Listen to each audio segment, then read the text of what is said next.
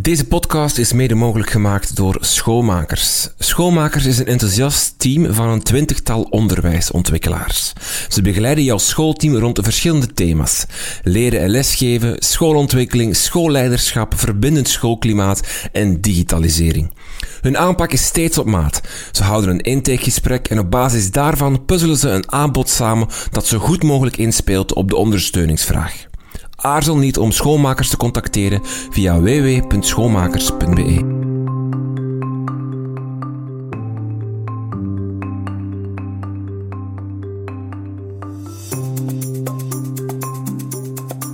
Welkom bij Buiten de Krijtlijnen. Mijn naam is Renke van Hoek en dit is uw podcast over onderwijs.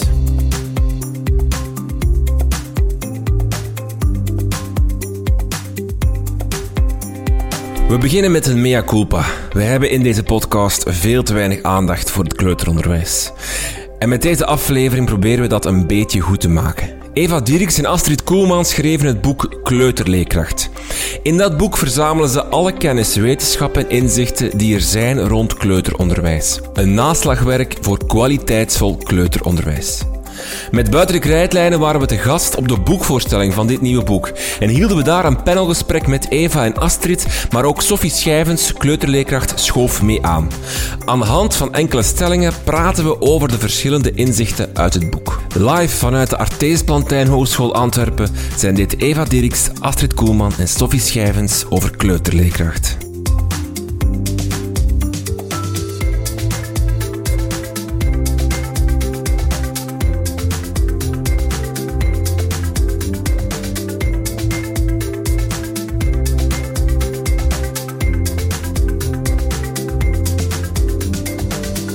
Welkom allemaal op de boekvoorstelling van Kleuterleerkrachten. Jullie zitten hier in een live podcast. Dat wil zeggen dat al jullie gehoest, gekuch, geroep en applaus erop staat. In ons panel vandaag Eva Dirks, die kent u natuurlijk allemaal. Uh, kleuterleerkracht en onderwijskundige uh, aan de Artees Plantijn Hogeschool. Uh, Astrid Koelman, onderwijspedagoog en leraar basisonderwijs. En natuurlijk Sophie Schijvens, op dit moment aan de slag in de vrije basisschool De Schatkist, waar ze kleuterleerkracht is in de leefgroepklas. Dat is uh, van 2,5 jaar tot 5 jaar. Voilà. Dat is ons panel vanavond. Wat gaan we doen? Ik heb uh, het boek gelezen en ik heb een aantal stellingen geformuleerd. Die ga ik jullie voor de voeten werpen. En dan gaan we zien wat er gebeurt. Spannend, ook voor mij. Maar misschien eerst even, voordat we aan de stellingen beginnen. Uh, Eva Astrid, waarom was dit boek nodig? Een boek over kleuterleerkrachten. Vertel het ons. Ja, om verschillende redenen, denk ik. Um, in de eerste plek uh, ontbreekt er op dit moment een soortgelijk werk in Vlaanderen. Uh, een werk dat evidence-informed uh, samenbrengt wat nu feitelijk kwaliteitsvol kleuteronderwijs is. Er is veel geschreven over klasmanagement, er wordt veel geschreven over, um, ja, over, over didactiek, hè. maar dat gaat dan vaak vooral op lager, secundair, hoger onderwijsniveau. Hoe dat feitelijk in een kleuterklas aan het slag, hoe dat daar moet, dat kunnen we eigenlijk moeilijk vinden in boeken in Vlaanderen. Terwijl uh, net bij ons zoveel interessant onderzoek gaande is over kleuteronderwijs. Als je gaat kijken naar um, ja, onderzoek over risicovol spel bijvoorbeeld van de laatste jaren, onderzoek over executieve functies. Uh, onze collega-hogescholen doen echt bijzonder interessant uh, ja, weten zoveel meer dan vijf jaar geleden, zoveel meer dan tien jaar geleden. Um, dus, dus het was tijd, hè. al die kennis is er wel, maar die is redelijk verspreid. En wat wij wouden is eigenlijk uh, voor leerkrachten die druk bezig zijn, voor leerkrachten die... We weten hoe zwaar het werk is in een kleuterklas, hè, hoeveel uren dat je klopt in je weekends en je avonds. En we wouden het zo gemakkelijk mogelijk maken om eigenlijk al die interessante informatie beschikbaar te maken en kant-en-klaar aan te bieden. Um, dus ik denk dat dat één grote reden was. Um, ja, en ik denk ook wel, wat wij super graag wilden, is aan de buitenwereld laten zien hoe belangrijk het beroep is. En hoe relevant dat beroep is. Dat je met die allerjongste leeftijdsgroep, dat je daar de basis legt voor de rest van hun leven. En jammer genoeg is het uh, ja, een beroep waar toch vaak over wordt gezegd... ah, ja, een beetje leuk spelen met kinderen. Maar wat doe je daar nu eigenlijk? Oh, je hebt zoveel vakantie. En we hopen dat dit boek die waarde geeft aan het beroep, ja, die het gewoon nodig heeft en die het ook echt verdient. Want het is echt zo'n prachtig beroep, zo'n belangrijk beroep om uit te oefenen. En ja, de hele wereld mag echt weten van, oh, wacht even.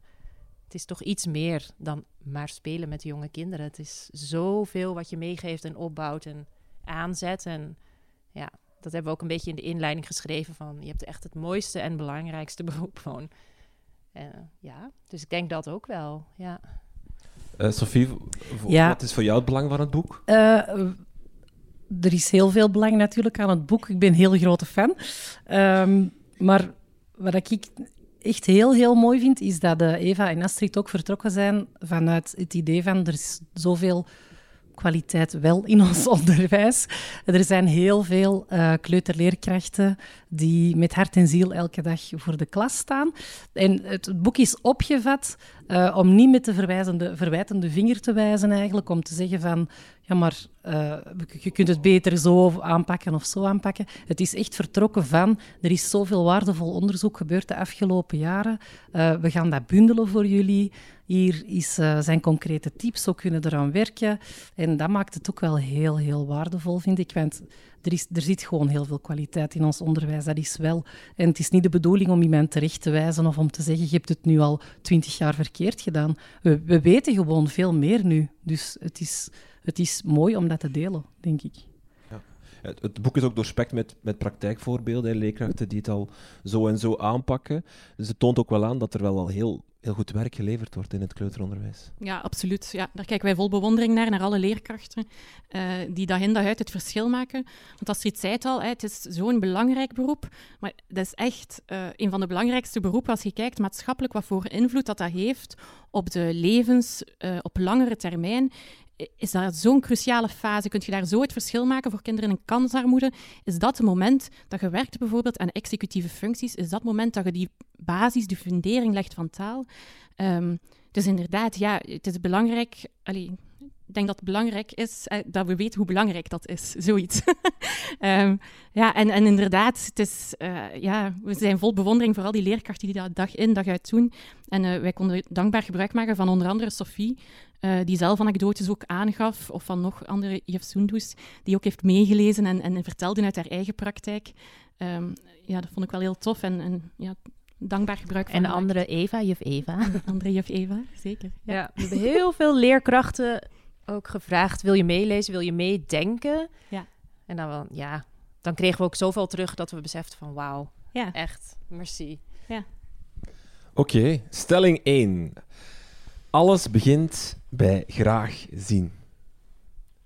Misschien een beetje bond zonder naam, maar hoe waar is het? Het klopt. Het klopt. Ja. Juist. Juist. Oké, okay, stelling 2. Nee. Uh, kan, kan, je verkeerd ja. doen als je gewoon al je kleuters, al je kinderen, al je leerlingen gewoon graag ziet? Oeh, dat is een omgekeerde vraag. Um, ben je dan sowieso goed bezig? Dat is misschien een vraag. Van... de basis, hè, want daar begint het boek mee, en dat was ook voor het boek geschreven was, was het eerste hoofdstuk stond al vast. En dat eerste hoofdstuk zou heten Het begint met graag zien. Dat was eigenlijk de basis ook voor ons boek te starten was. En het eerste hoofdstuk gaat zo heten. Al de rest is dan later gekomen en de invulling is later gekomen. Maar we wisten al, zo moet het beginnen. Um, dus, uh, en dan blijkt, hè, dan hebben we ook onderzoek gedaan en we zijn ook uh, gaan kijken naar wat, wat kunnen we daar dan feitelijk over vinden. En inderdaad, die, die liefdevolle relatie, een warme, liefdevolle relatie, blijkt uh, een heel belangrijke kwaliteitsindicator te zijn van goed kleuteronderwijs. Een kind dat zich veilig voelt in de klas, gaat zowel betere leerprestaties hebben, gaat zich beter voelen, gaat emotioneel en het welbevinden gaat stijgen. Um, ook op lange termijn zijn de gevolgen van een liefdevolle relatie met de leerkracht zo groot. Kinderen die zich niet veilig voelen, kinderen die zich niet graag gezien voelen, die gaan minder gaan exploreren, gaan minder op ontdekking gaan, gaan misschien ook uh, wat meer ongewenst gedrag uiten, hè, want ze voelen er wringt iets en dan gaat er ook iets wringen in dat lijf. Um, dus, dus dat graag zien en die, die liefdevolle interactie is, is zo hard de start van alles, van ons boek, maar vooral ook van kleuteronderwijs. En tegelijk is dat ook iets dat je heel moeilijk kunt aanleren. Hè. Het is iets, uh, iets dat je voelt, hè, waar veel studenten van ons ook mee beginnen. Hè. Ik wil ermee starten, want ik zie ze zo graag. Hè. Um, en dat is, dat, is, dat is een belangrijke start. Want ook, uh, voor veel interessant, maar ook voor... Um, bijvoorbeeld om burn-out tegen te gaan en om uh, stress en vermoeidheid bij leerkrachten dan tegen te gaan, is dat graag zien, die interactie, zo belangrijk en zo de basis van alles. Um, Sophie, zie jij al jouw, al jouw leerlingen graag? Al jouw... Eh, ja, eigenlijk wel. Het lijkt mij ook moeilijk om voor de klas te staan, de job te doen die dat wij doen, eh, als je de kinderen niet graag ziet. Ehm, dat lijkt mij een moeilijk gegeven. Ik denk, als dat niet lukt, dan gaat er zoveel um, aan basisveiligheid uh, tekortkomen eigenlijk in je klas, wat eigenlijk voor de, voor de rest van de ontwikkeling echt belemmerend zou werken. En ik denk dat je dan ook zou voelen dat je klaspraktijk niet, niet draait, um, of dat je je doelen niet kunt bereiken zoals je die voor ogen hebt. Uh, ja. Maar dat maakt het niet altijd gemakkelijk ook. Hè? Want dat is gemakkelijk gezegd nu, je moet graag zien en dat is de basis. Maar allee, en we zeggen ook, hè, we zien iedereen graag, wordt dan snel gezegd. Maar de realiteit ligt vaak wel iets complexer en genuanceerder en moeilijker. Hè. Er zijn kleuters uh, waar dat je een mindere band mee voelt. Er zijn kleuters waar dat je minder connectie mee hebt. Um, uh, zeggen ik zie die niet graag is, wat hard uitgedrukt. Maar je kunt 24 kleuters, het is heel moeilijk om die allemaal even graag te zien in realiteit. Um, maar dan is het belangrijk, als je weet hoe belangrijk dat, dat is als basis, dan is het belangrijk om die stap terug te zetten en na te gaan denken, uh, hoe komt dat nu? Waar ligt dat nu aan? Uh, waar is het hier fout gegaan in die relatie? Um, en dat is, dat is een moeilijke oefening in de praktijk. Hè. Dat is gemakkelijk om neer te schrijven, maar dat is een moeilijke oefening in de praktijk um, voor leerkrachten. Ja. Ik vind zo bij de, bij de start als je zo nieuwe kinderen in je klas krijgt of je begint aan een nieuw schooljaar, dan zijn er inderdaad kinderen waarvan dat je voelt, hier heb ik een klik mee. Of nu is dat nog een beetje moeilijk, er is nog veel verdriet of er is een beetje verzet, maar als dat kind zich goed gaat voelen in de klas, hè, daar gaan we heel veel aan hebben.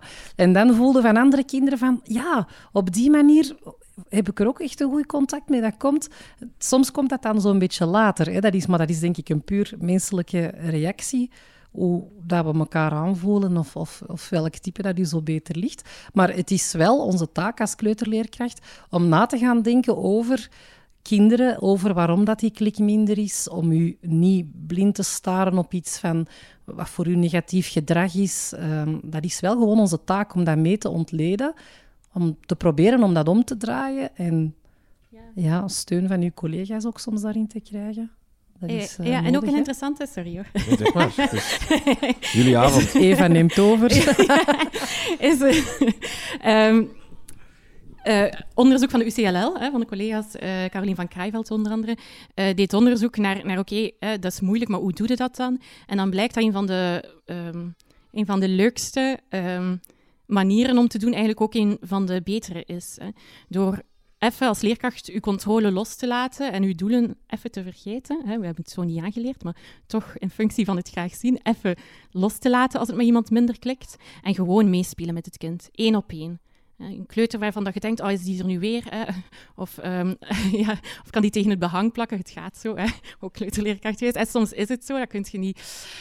Om dan je doelen dus los te laten en samen met dat kind te gaan spelen en dat kind de controle te laten geven. Dus echt in te zetten op die relatie door het kind ook de leiding te laten nemen en door echt quality time te, besteden. Dus één op één um, echt daar, daar eigenlijk ja, op zoek gaan naar, naar wat vindt dat kind leuk.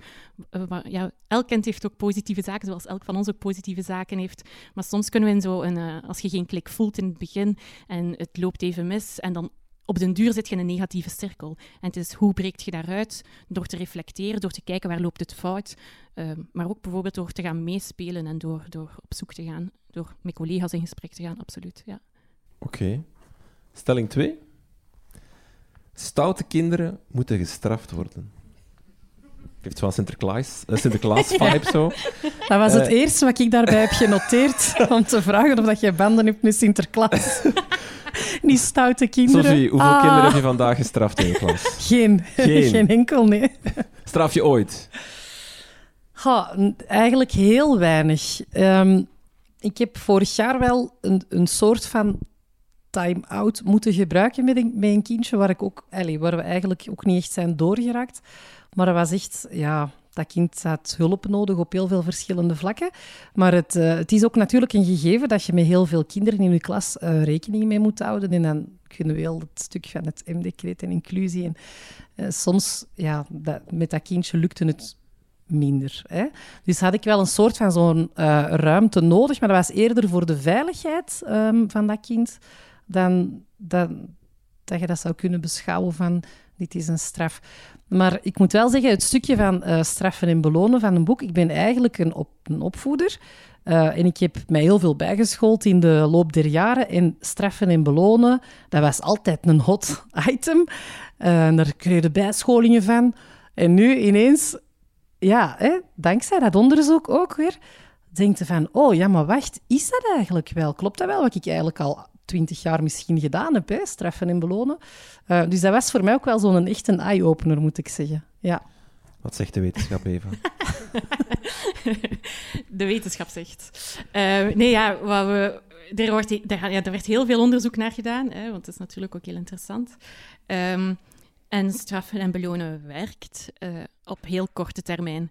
Uh, dat werkt als je inderdaad um, wilt dat een kind ergens mee stopt en je vindt geen andere oplossing, dan straft je tot als dat kind ermee stopt.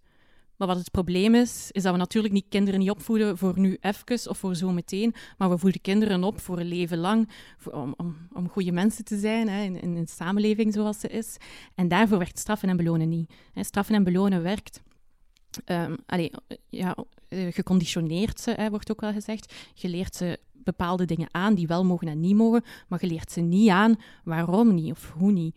Um, en wat zijn dan alternatieven of hoe ga je dan met die situatie om? Want uw stelling, stoute kinderen um, mag je straffen en belonen. Eigenlijk moeten we eerst kijken naar het eerste deel van die stelling. Hè, wat zijn stoute kinderen? Wat zijn stoute kinderen?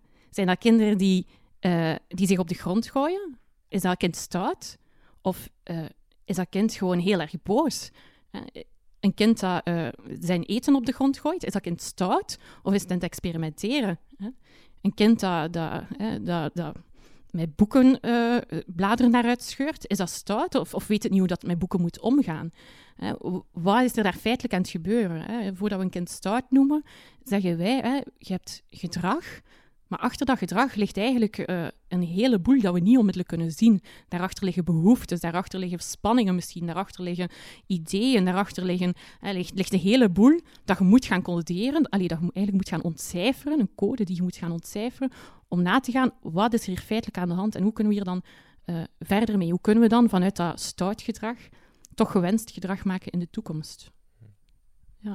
Hoe ga je dan concreet aan de slag? Een, een, een, kleuter stelt ongewenst gedrag. Wat, wat, wat doe je dan? Um, ja. ja, dat ligt er een beetje aan wat het gedrag op zich al is. Hè? Soms zijn er gewoon situaties, ik bedoel, wij zeggen nu heel leuk, doe dat liever maar niet. Maar soms zijn er gewoon situaties waarin je wel even moet ingrijpen. Hè? Als twee kinderen elkaar echt pijn doen en het lukt hen niet, ja, dan ga je niet uh, daar naartoe. Oh, wat zie je nu allemaal aan het gebeuren, jongens? En, uh, zullen we dat doen? Nee, dan moet je ze soms gewoon effectief eerst wel uit elkaar halen. En ook aan die kinderen meegeven, ik ga jullie nu wat helpen. Ik ga even jullie een rustig plekje geven, dat we even hè, weer tot onszelf kunnen komen. En dat zouden we als volwassenen net zo hard hebben. Als ik uh, nu Eva hier aanval, dan kun je van alles proberen. Maar het heeft meer zin dat ik dan even daar ga staan. Eva even daar, weer eerst even ademen, weer even tot rust komen. Dan kan het kind ook even de tijd nemen om te zien van wat is hier nu allemaal gebeurd? Maar daarna, ja, dan moet je met ze gaan werken aan wat is er nu gebeurd? Wat maakt dat jij daar verdrietig van wordt? Wat vind jij ervan? Kijk eens naar de ander. Oh, we zien tranen. Wat betekent dat? Je moet die kinderen helpen om die situatie vervolgens wel weer zelf in handen te kunnen nemen. En als jij ze gewoon straft en het daarbij laat, ja, dan ben jij dus eigenlijk ja, degene die zich bijna boven hen heeft geplaatst en die het voor hen heeft opgelost. Maar ja, daar zijn ze zo weinig mee. Op lange termijn heb ik graag dat die kinderen meer en meer handvaten zelf op kunnen nemen om het zelf te gaan aanpakken. Alleen, ze zijn jong en we hebben, ze hebben ons nodig om die stapjes te leren en te ervaren. Ja. In ons boeken je geeft ook een aantal heel concrete technieken. Hè. Zeggen we bijvoorbeeld, hè, een eerste iets wat je kan doen, is het gedrag benoemen. Hè. Een kind dat heel kwaad is, dat niet altijd juist kan uiten, hè, dan zeg je gewoon, je bent heel kwaad, ik zie het. Hè. Je bent aan het stampen of je, je, je wil wel iemand de kop inslaan, zie ik, je bent heel kwaad. Hè. Want heel kleuters... We, we, onderschatten ze vaak, maar soms kunnen we ze ook wel eens overschatten.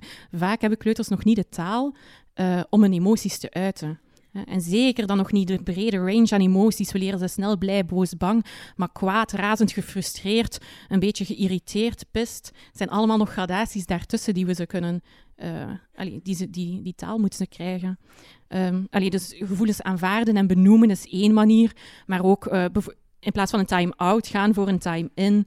Um, uh, wat zeggen we nog? Alternatieven aanbieden, samen op zoek gaan. Uh, ja, er zijn verschillende mogelijkheden, afhankelijk van de situatie natuurlijk.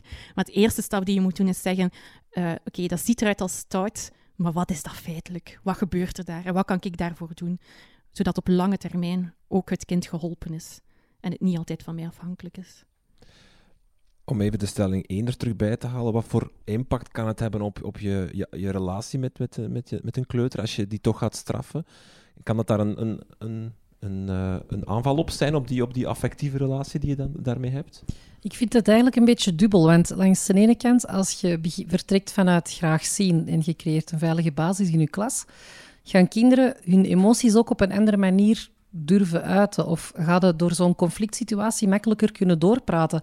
Omdat ze weten van, in deze klas mogen wij boos zijn of we mogen verdrietig zijn. Of uh, er, is een open klascultuur rond, er wordt over gepraat. Uh, er zijn, er zijn methodes die gevolgd in de klas bijvoorbeeld. Um, dus ik denk dat dat een stukje eigenlijk preventief dan uh, werkt. Um, en aan langs de andere kant, soms mag je ook wel meegeven aan kleuters dat je teleurgesteld bent of, of, of dat je dat jammer vindt dat er iets gebeurt. Als, als leerkracht, je, je bent ook gewoon een persoon. En waarom zou je dat er niet in meegeven, denk ik dan? En wat ik wel wil zeggen, als je dus wel zou kiezen voor straffen. Een van de dingen die we weten is, op dat moment verbreek je wel even die band tussen jou en dat kind. Je maakt die eigenlijk een klein beetje stuk. Daarom heeft het op korte termijn effect. Maar op lange termijn, ja, heeft dat wel gevolgen. En als dat vaker gebeurt, dan maak je steeds opnieuw jouw band met die kleuter een beetje stuk. En het vertrouwen in jou kan ook gewoon afnemen. En dat is eigenlijk wat je nu totaal niet wilt. En dan merk je ook dat het niet meer effectief is. Nee op den duur, als je een kind elke keer zou straffen voor een bepaald gedrag en er is geen verandering en je hebt niet de, het, het, de intentie om breder ernaar te kijken of het om te analyseren, dan merkt ook dat het voor het kind gewoon niet meer werkt. Hè. Het glijdt eraf. En dat is hetzelfde met beloningen.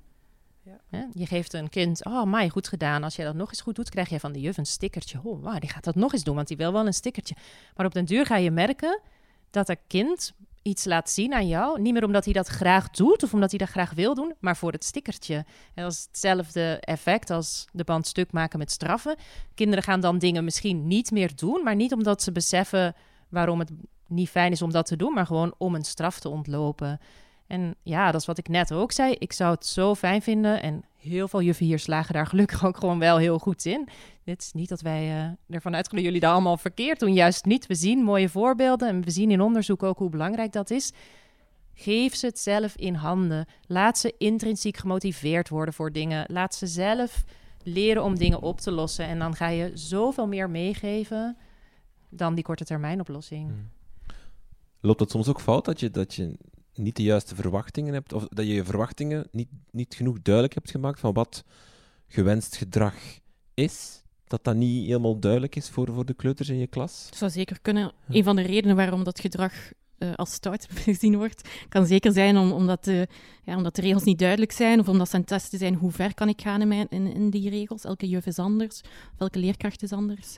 Uh, dat is zeker een van de mogelijkheden, ja. Ja, wat ik nog wil aanvullen ook is, is bij dat straffen en belonen um, is dat je soms, denk ik, de radicale visie dat kleuters ook mensen zijn. Dat we daar ook soms eens bij stil moeten staan.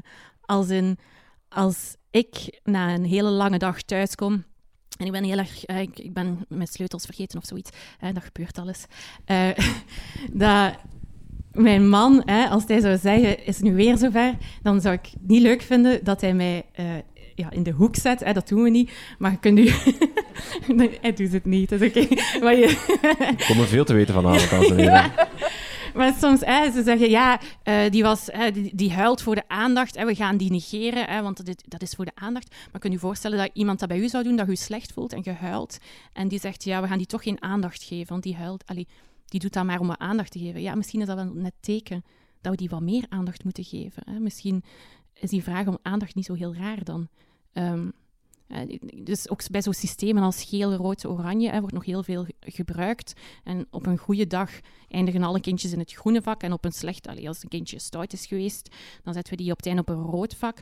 Is ook ergens, hoe zou het zelf zijn als jij op het einde van de dag zo wordt beoordeeld en in het rode vak terechtkomt? Hè, dus dat, dat zou absurd doen, moest onze baas dat bij ons doen. Hè? Hij doet het niet. Uh, maar dat soort dingen, denk ik altijd, ja, hoe, hoe voelt dat voor ons als volwassenen? Hè, hoe, gaan mensen met ons om? Hè? We gaan hopelijk om met elkaar vanuit empathie en compassie en liefde en, en zorg en geduld. En dat soortzelfde houding willen we onze kleuters aanleren, dat ze later ook zo zijn tegenover hun partner, tegenover hun ouders. Uh, dus moeten we dat ook voorleven en ook tonen. En niet gaan werken met quick fixes, zoals uh, straffen en belonen. Hmm. Ook als dat op korte termijn wel werkt. Uh, Sophie, jij vertelde daar straks voor de podcast dat je vandaag met, met je uh, kleuters de regels hebt opgesteld voor dit schooljaar. Zijn er uh, zotte dingen uitgekomen? Ja, heel zotte dingen. ik had er wel verwacht. Ik als ik op, op bezoek kom bij, bij jouw klas? Ja, wel, die eerste twee weken dat we nu gestart waren, um, ben ik rustig gestart. Um, en ik heb zo de kleuters zelf wel wat een beetje laten botsen. Um, dat er soms situaties waren dat ik echt kon kijken van hoe gaan ze dat nu oplossen. Dat is eigenlijk geen leuke situatie. Ik ga nog niet ingrijpen. Even afwachten. Uh, en vandaag heb ik het eraan gelegd. En dan heb ik gezegd van ja, er waren wel... We hebben al heel veel leuke momenten gehad in de klas. Er waren ook wel wat dingen die minder leuk waren. En wie kan zich iets herinneren? En dan kwamen er effectief wel dingen naar boven dat ik dacht, ja, goed. Uh, dingen die eigenlijk evident zijn voor mij, maar uh, waar dat ik toch even um, zo wou, testen wat de kleuters daar zelf van vinden.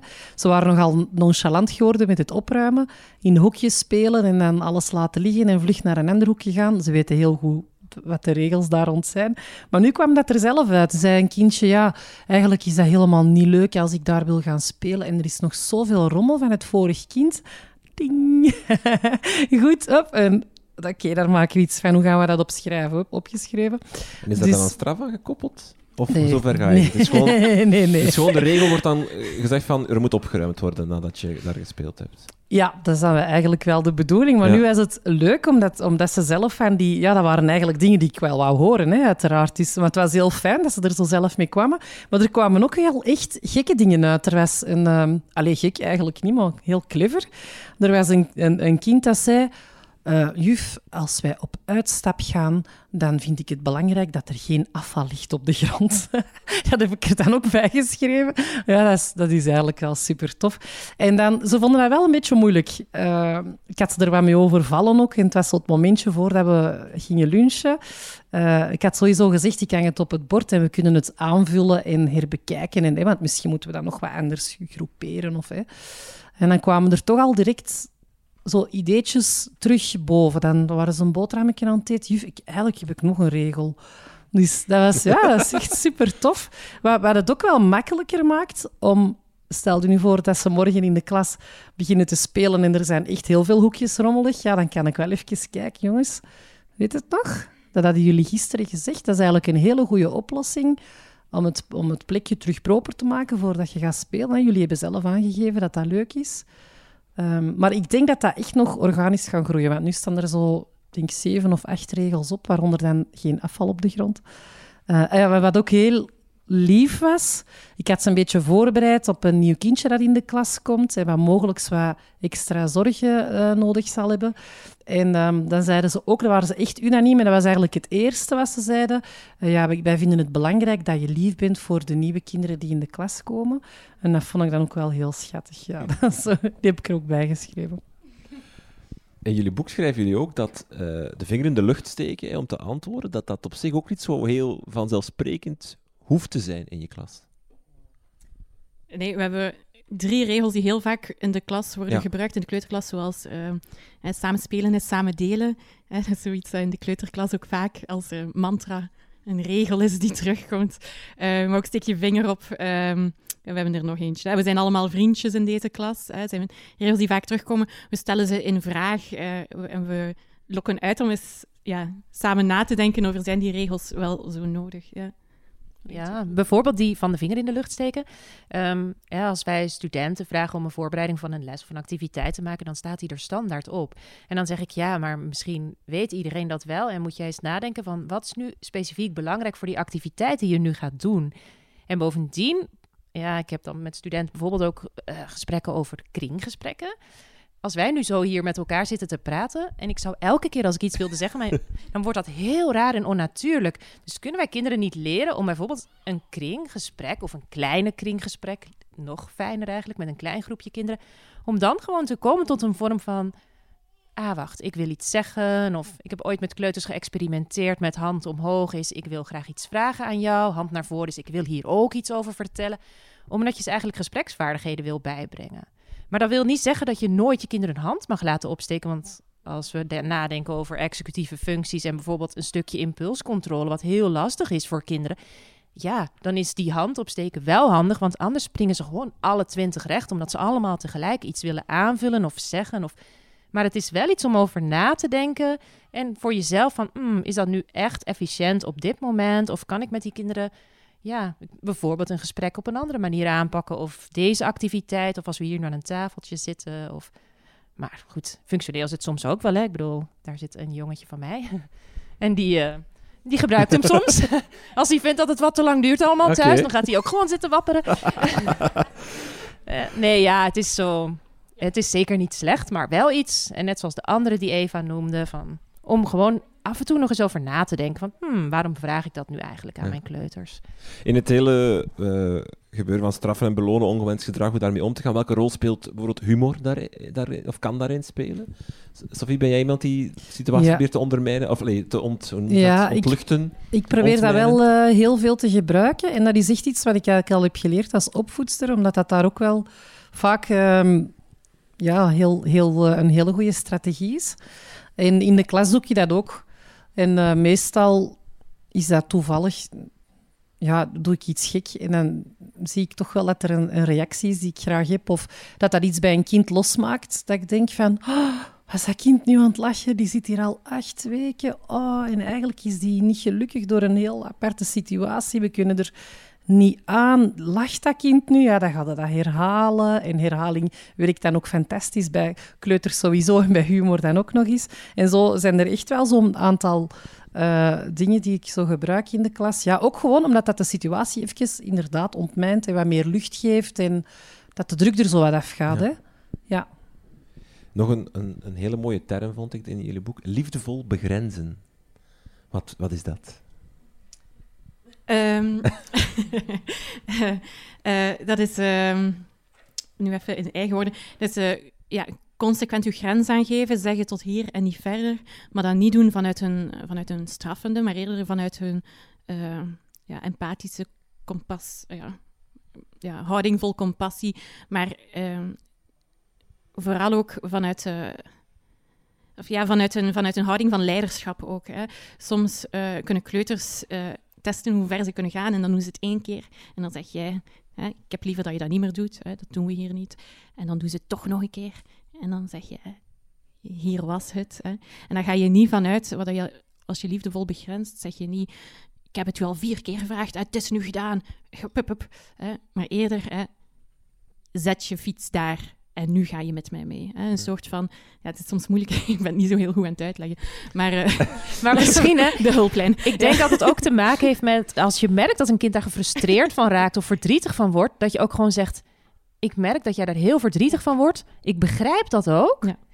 En toch blijft die grens hier wel bestaan, maar je mag daarom huilen, dat snap ik ook. Maar het is wel tot hier en niet verder. En ik denk dat dat een beetje is wat liefdevol begrenzen is. Ik heb ooit een kleuter gehad en het is nogal een lang verhaal, maar die maakte zijn brilletje steeds stuk.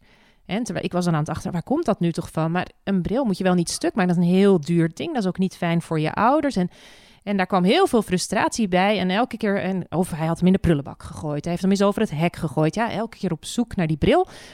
Um, elke keer opnieuw moest ik zeggen, maar dat moeten we niet doen. Dat is zonde, je bril is stuk, dat is ook belangrijk. Je moet daardoor kunnen kijken. En hij werd daar heel kwaad van en dat mag ook. Hij wilde misschien zelfs nog iets anders meegeven. Hij had heel veel moeite met die grens van mij over zijn bril.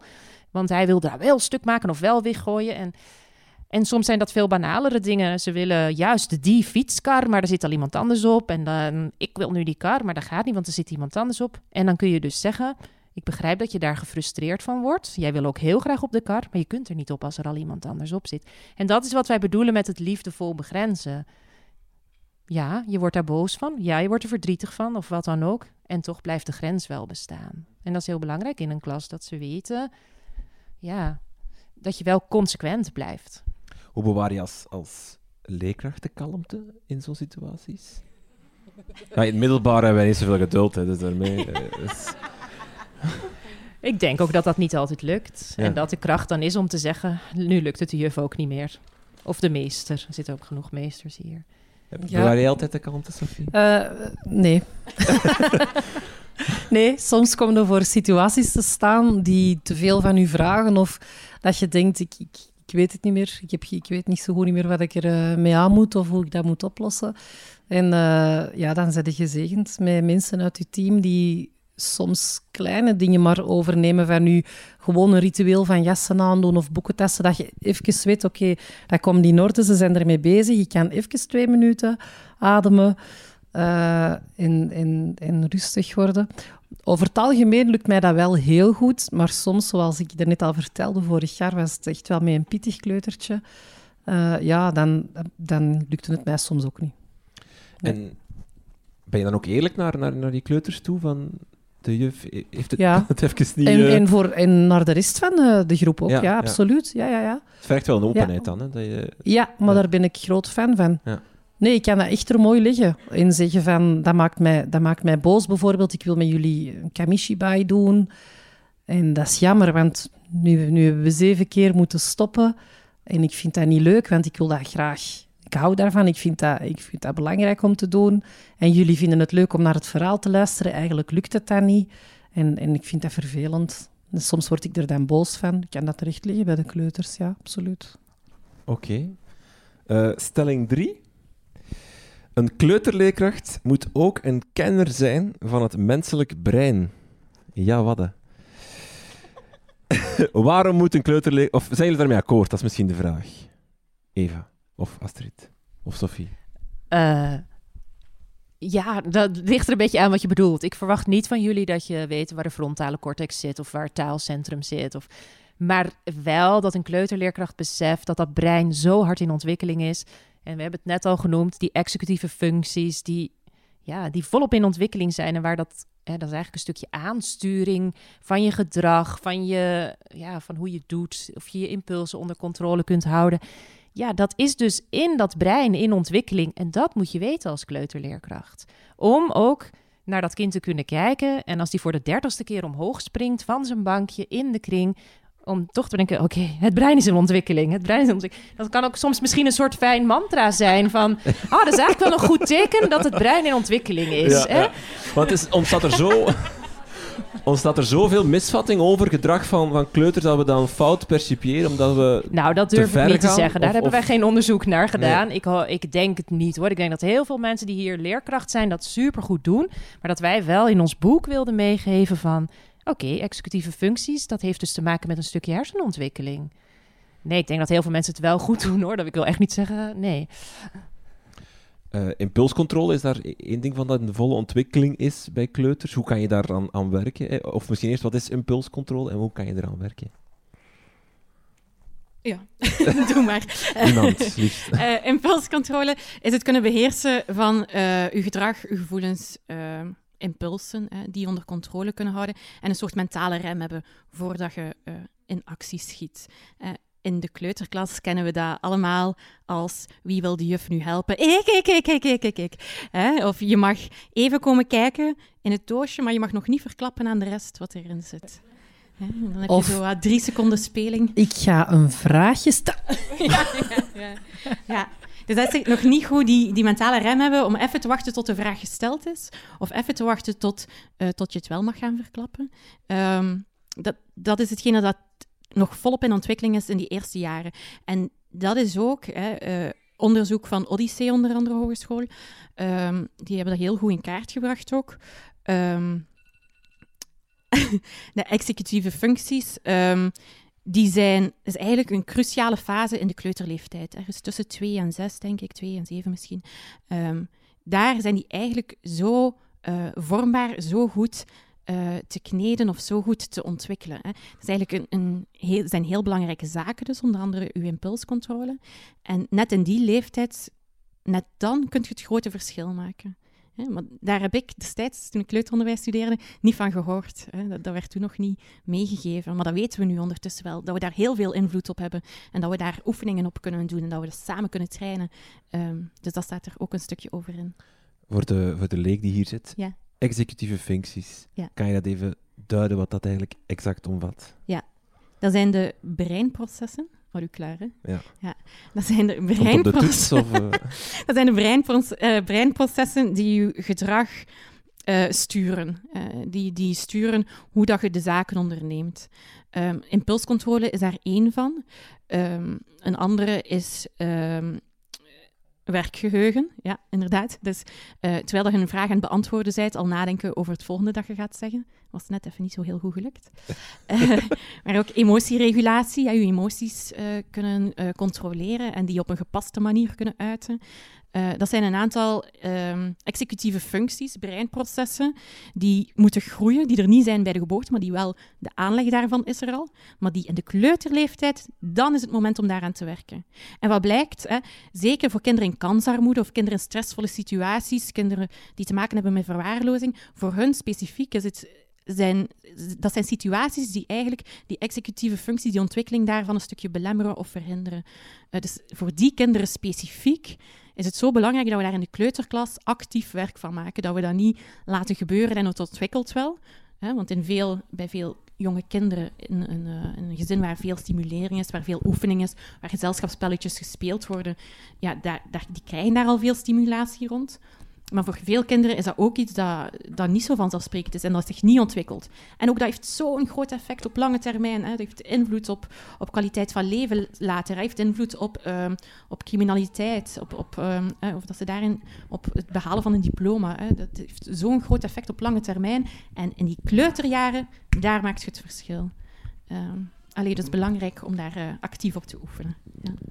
Gezelschapsspelletjes spelen is het schijnt Allee, volgens jullie boek, niet naar het schijnt, staat in jullie boek uh, heel goed voor de executieve functies. Ik heb dat ook gehoord, ja. waarom, waarom is dat zo goed? Maar het is maar één van de vele dingen die goed is. Het is ja. ook niet de bedoeling dat je één executieve functie eruit neemt en een kind daar een soort van op gaan zitten trainen of zo. Hè. Maar een gezelschapsspelletje één van de voorbeelden van je kunt dat heel gemakkelijk doen met een groepje kinderen. En eigenlijk zitten daar een aantal executieve functies eigenlijk gewoon in. Zoals op je beurt wachten, wat direct gekoppeld kan worden aan impulscontrole. En emoties die opkomen omdat je misschien aan het verliezen bent. En ja, hoe reguleer je die emoties dan? En door dus af en toe gezelschapsspelletjes te spelen. En liefst ook door dan zelf mee te doen. Ja, dan kun je ook een rol, en dat helpt vaak, of werk iets wat goed werkt bij kleuters, is wat ze jou zien doen. Dus ja, dan kun je ook gewoon zeggen: Oh nee, ik heb heel slecht gegooid. Daar word ik gefrustreerd van. En hè, dat ze ook jouw frustratie gewoon zien. En dat je die ook gewoon uitspreekt. En dat ze merken van: Oh, de juf heeft het ook. Of de meester heeft het ook. Dat is blijkbaar normaal. En ondertussen oefen je daar wel in om daarmee om te gaan. En de meeste zullen ook in bijvoorbeeld eerst, de meeste eerste spelletjes die je aanbiedt in een klas, zijn vaak spelletjes waarbij je samen bijvoorbeeld tegen het spel speelt. Uh, en dat helpt dan ook al van, oh, wij zijn al samen een soort team. En we gaan, maar je moet ondertussen wel op je beurt wachten. Nou, dat is echt voor hele jonge kinderen vaak al ontzettend moeilijk. Je hebt dan al gegooid, je wil het liefst nog eens. Ja, en door dat met ze te doen, ben je dus gewoon ja, heel, op een hele fijne manier eigenlijk al met executieve functies bezig. Maar ja, gezelschapsspelletjes maar één voorbeeld. Hè. Je kunt een heleboel mm. dingen doen om eraan te werken. Mm dat werkgeheugen, wat je net aanhaalde. Ik las in jullie boek dat, dat, dat kleuters vaak maar twee items of items kunnen onthouden. En dat, dat we daar soms wat te snel aan vooruit gaan. Zeker als we een instructie geven die bijvoorbeeld uit meerdere stappen uh, bestaat, dat we daar dan soms te snel over gaan. Dat ze eigenlijk dat nog niet kunnen, omdat ze maar twee items kunnen onthouden. En dat we daar ondersteuning voor moeten voorzien. um, maar twee items onthouden, wel, het is vooral zo dat ze... Uh dat ze dat geleidelijk leren om meer dingen te onthouden. Dat als je aan een tweejarige, of aan mijn dochter is nu ook bijna twee, als je haar vraagt om haar schoenen aan te doen en dan haar jas te nemen, ja, tegen dat ze in de gang staat, is ze de helft al vergeten. dan heeft ze misschien één schoen met wat geluk aan. Uh, dat werkgeheugen is iets dat opbouwt geleidelijk door oefening ook. Um, en dat is eigenlijk het belangrijkste om, om daarvan ook niet per se. Het stopt niet bij twee. Sommige jonge kleuters onthouden meer, sommige oudere kleuters onthouden nog wat minder. Um, maar het is wel goed om daar bewust bij stil te staan. Bijvoorbeeld als we gezelschapsspel aanleren, dat we niet beginnen met gezelschapsspel met zeven regels, maar eentje dat met één of twee regels en dan gaan opbouwen. Als we instructies ook geven van ga naar de gang uh, en haal uw boekentas en uw jas. Bij 2,5-jarigen uh, is dat al, uh, mocht je van geluk spreken, denk ik, als ze met de helft van het grief dat je hebt gevraagd terugkomen in de klas. De helft zal onderweg een vlinder hebben gezien. Of, terwijl bij vijfjarigen kan je gerust al, kan, je, kan je wel vier, vijf dingen soms zeggen van we gaan dit nu doen in deze volgorde en kun dat wel onthouden. maar die opbouw daarin is, is, is wel belangrijk om te... Ja, en jij zei ook van hoe kun je het ondersteunen? Uh, wat heel veel leerkrachten doen, is visualisaties geven. dan hangt er bijvoorbeeld, uh, bijvoorbeeld, hoe was je je handen bij 2,5-jarigen? Dan hangen er gewoon prentjes. je neemt een beetje zeep en dan doe je de kraan aan, of net welke volgorde jij wil. Je hangt die stapjes op en daardoor kunnen ze gewoon even spieken van hoe zat het ook alweer? Hoe moest ik dit ook alweer doen? En dat zijn ja, kleine hulpmiddelen om die kinderen wel te helpen, omdat je gewoon weet van hmm, een heleboel stappen achter elkaar is moeilijk voor deze leeftijd. Is dat ook hoe dat je traint? Door ze dan zo hulpmiddelen, visualisaties te geven, waardoor ze wel meerdere stappen kunnen doen. Als ze eens kunnen spieken, dat je het dan ook traint, het werkgeheugen? Ja, je gaat eigenlijk geleidelijk aan uh, uw, begeleiding gaan afbouwen. En geleidelijk ook meer van buiten naar binnen gaan. Waar je in het begin heel veel van buiten gaat doen, visualisaties tonen. De juf zegt het, de juf toont het nog eens voor, eventueel met concreet materiaal. Hè, dat ga je dan stapsgewijs gaan, af, gaan, wegbouwen. Um, dat is hoe dat vaak gebeurt, uh, onder andere uw werkgeheugen oefenen. Uh, want allee, dat is niet echt trainen of drillen. Um, maar ik zei, ja, er zijn heel veel verschillende manieren om dat te doen. Ook uh, gezelschapsspelletjes werken ook aan je werkgeheugen, hè, omdat je uh, verschillende regels moet onthouden. Maar vooral door te doen en door ondersteuning te bieden en die geleidelijk af te bouwen, denk ik, uh, zijn belangrijke tips als ik het even moet samenvatten. Ja. Sophie, doe jij het in de praktijk? Ja, ik let wel um, zo, zo, die impulscontrole, dat is wel iets wat je in de kleuterklas makkelijk uh, kunt trainen en wat ook nodig is. Uh, of prettig is, dat ze dat een beetje kunnen beheersen. Um, en uh, dus daar hebben we wel zo wat spelletjes voor. Zo de, de, de stoelendans, nee, de boomba stopdans, dat is wel zo een toppertje. Dat vinden ze heel leuk. Als de muziek stopt, moet ook stoppen en stilstaan. Of in twee, drie piano. Uh, zo van die spelletjes, dat vinden ze ook wel heel tof. En um, qua werkgeheugen ligt dat bij ons op school een, een, um, een beetje anders. In die zin van dat onze routines die zijn opgebouwd. Maar we hebben natuurlijk uh, kleutertjes van 2,5, maar we hebben ook kleutertjes van 5 of 6. Um, ehm, en die kunnen met een eenvoudigere instructie wel aan de slag. Maar die kleintjes die kopiëren dan weer heel snel. Waardoor dat ze dan ook wel sneller de link leggen, denk ik, van ah ja, oké, ja, lunchen, oké, naar de gang, de boekentas moet mee, ik ga hier een stoeltje pakken. Um, maar wij hebben ook heel veel visueel op onze school. Inderdaad, stappenplannen voor onze handen te wassen, uh, voor hun broek te verschonen. We hebben um, eens een keer voetjes op de uh, grond geplakt met een jasje, zo, dat je zo dat met een techniekje kunt aandoen. Uh, zo van die dingen, ja, dat zit erbij. Of wanneer mag je fruit eten en wanneer mag je een koek eten. Die dingen. Oké. Ik kijk naar de klok. Nog, nog één stelling. Nog snel, snel, snel. Heel snel. Oké. Stelling uh, vier. Zitten we vier? Ik weet het niet. Een kleuterleerkracht ben je nooit alleen. Ja. Hoe belangrijk is het om, om dat je partners hebt in, als je als kleuterleerkracht voor de klas staat. Ja, superbelangrijk. Hè? Ik, vind dat, ik vind dat echt heel belangrijk.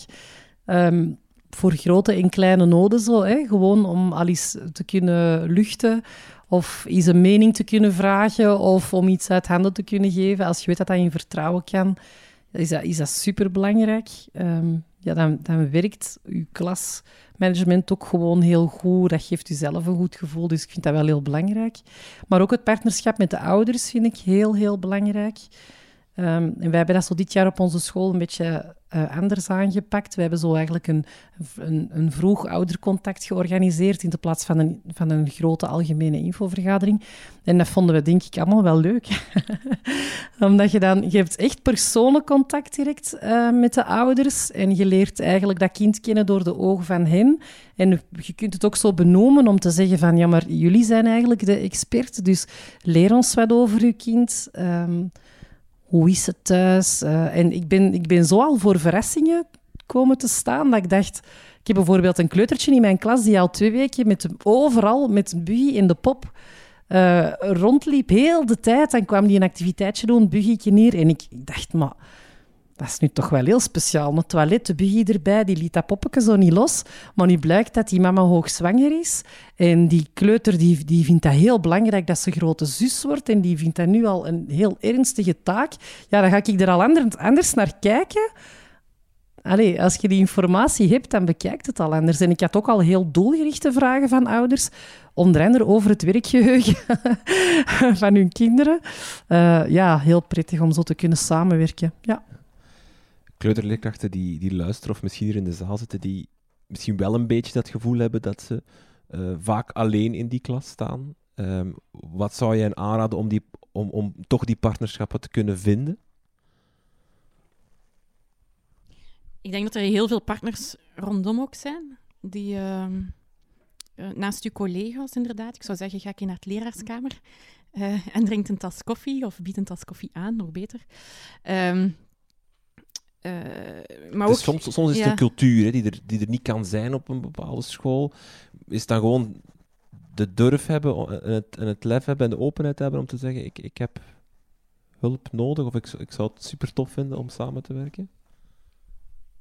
Ja, ja, dat sowieso. Maar ik, ik hoop toch dat dat echt niet zo is. Want er zijn zoveel mensen betrokken bij jou in de kleuterklas. Er komt iemand elke dag jouw klas poetsen. Ik hoop toch dat je daar een goede band mee hebt. Er komt iemand, een kinderverzorgster, die komt regelmatig even binnen. Je directie komt toch hopelijk af en toe eens langs. Er zitten mensen in het lokaal links van je, in een lokaal rechts van je. Uh, wie weet is er een logopediste betrokken of je hebt een, een, een eigen turnleerkracht. Of er zijn zoveel mensen die allemaal samen zorg dragen voor die kleuters in jouw klas. Dus ik zou het wel heel erg vinden als er een leerkracht zich echt heel geïsoleerd zou voelen. En dan, ja, dan hoop ik toch dat hij. Uh, ja, en je mist heel veel. Je zou heel veel missen. Er zijn zoveel dingen te leren, goede ideeën, manieren om naar iets te kijken. Wat, je, wat heel leuk is, dat je dat kunt delen met elkaar of iets kunt voorleggen. Of ook als groep werken om iets te verwezenlijken binnen een school. Dat, is, ja, dat hoort er wel echt bij voor mij. Ja, in het boek halen we ook een aantal zaken aan, zoals um, waarderend kijken naar elkaar. Um, ja, bijvoorbeeld kinderbegeleiders, zeer specifiek in een kleuterklas. Die worden niet altijd als volwaardige partner gezien. Um, terwijl daar zoveel kansen in zitten om dat wel te... Allee, als je dat wel doet, als je gaat kijken naar diegene... Eh, kinderbegeleiders zijn degenen die de kinderen...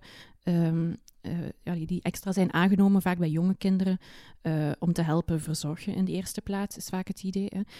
Maar daar zit zoveel kracht in als je die ook als volwaardige partner waarderend gaat bekijken. Hè. Daar zit zoveel kracht in. er wordt hier al geknippeld. um, als je die waarde hè, van die persoon en wat die inbrengt ook gaat doen. Hè, want zorg is even goed een taak in de kleuterklas. Hè, en een zeer belangrijke taak, zeker bij jonge kinderen. Um, het is belangrijk om die als volwaardig deel van je team te zien. Maar we halen ook nog andere zaken aan, maar dat brengt ons misschien wel wat te ver. Kijk ik nu ook stiekem naar de klok. um, zoals bijvoorbeeld democratisch leiderschap kan ook werken. Uh, dat de, het, uh, de directie uh, bijvoorbeeld uren inroost, pardon, inroostert om, um, om samen te overleggen want nu is het inderdaad vaak, we bereiden onze klas voor. En als je parallel collega's hebt, ja, je moet het maar allemaal soms geregeld zien te krijgen. Je moet maar bellen. Je moet of, elkaar je pauzes daarvoor benutten. Terwijl uh, als de, de schooldirectie daarvoor tijd kan inplannen in je rooster, dat je samen kunt zitten, dan gaat je ook aan die cultuur gaan werken. Uh, ik denk dat we nog zo'n aantal zaken aanhalen die daar op die manier wel kunnen helpen. Dat zijn kleine zaken. Um, maar dat gaat inderdaad vaak om een, om een bredere cultuur en om een manier van kijken naar elkaar. Um, ja, om de goede dingen te zien, ook bij de ander en bij jezelf. Ja. Oké, onze tijd zit er jammer genoeg op, maar er is dus het boek. Allemaal kopen. De mensen die luisteren thuis, het is uh, ongeveer overal te vinden. Uh, kleuterleerkracht, Eva, Astrid, Sophie, heel veel dank. Graag gedaan.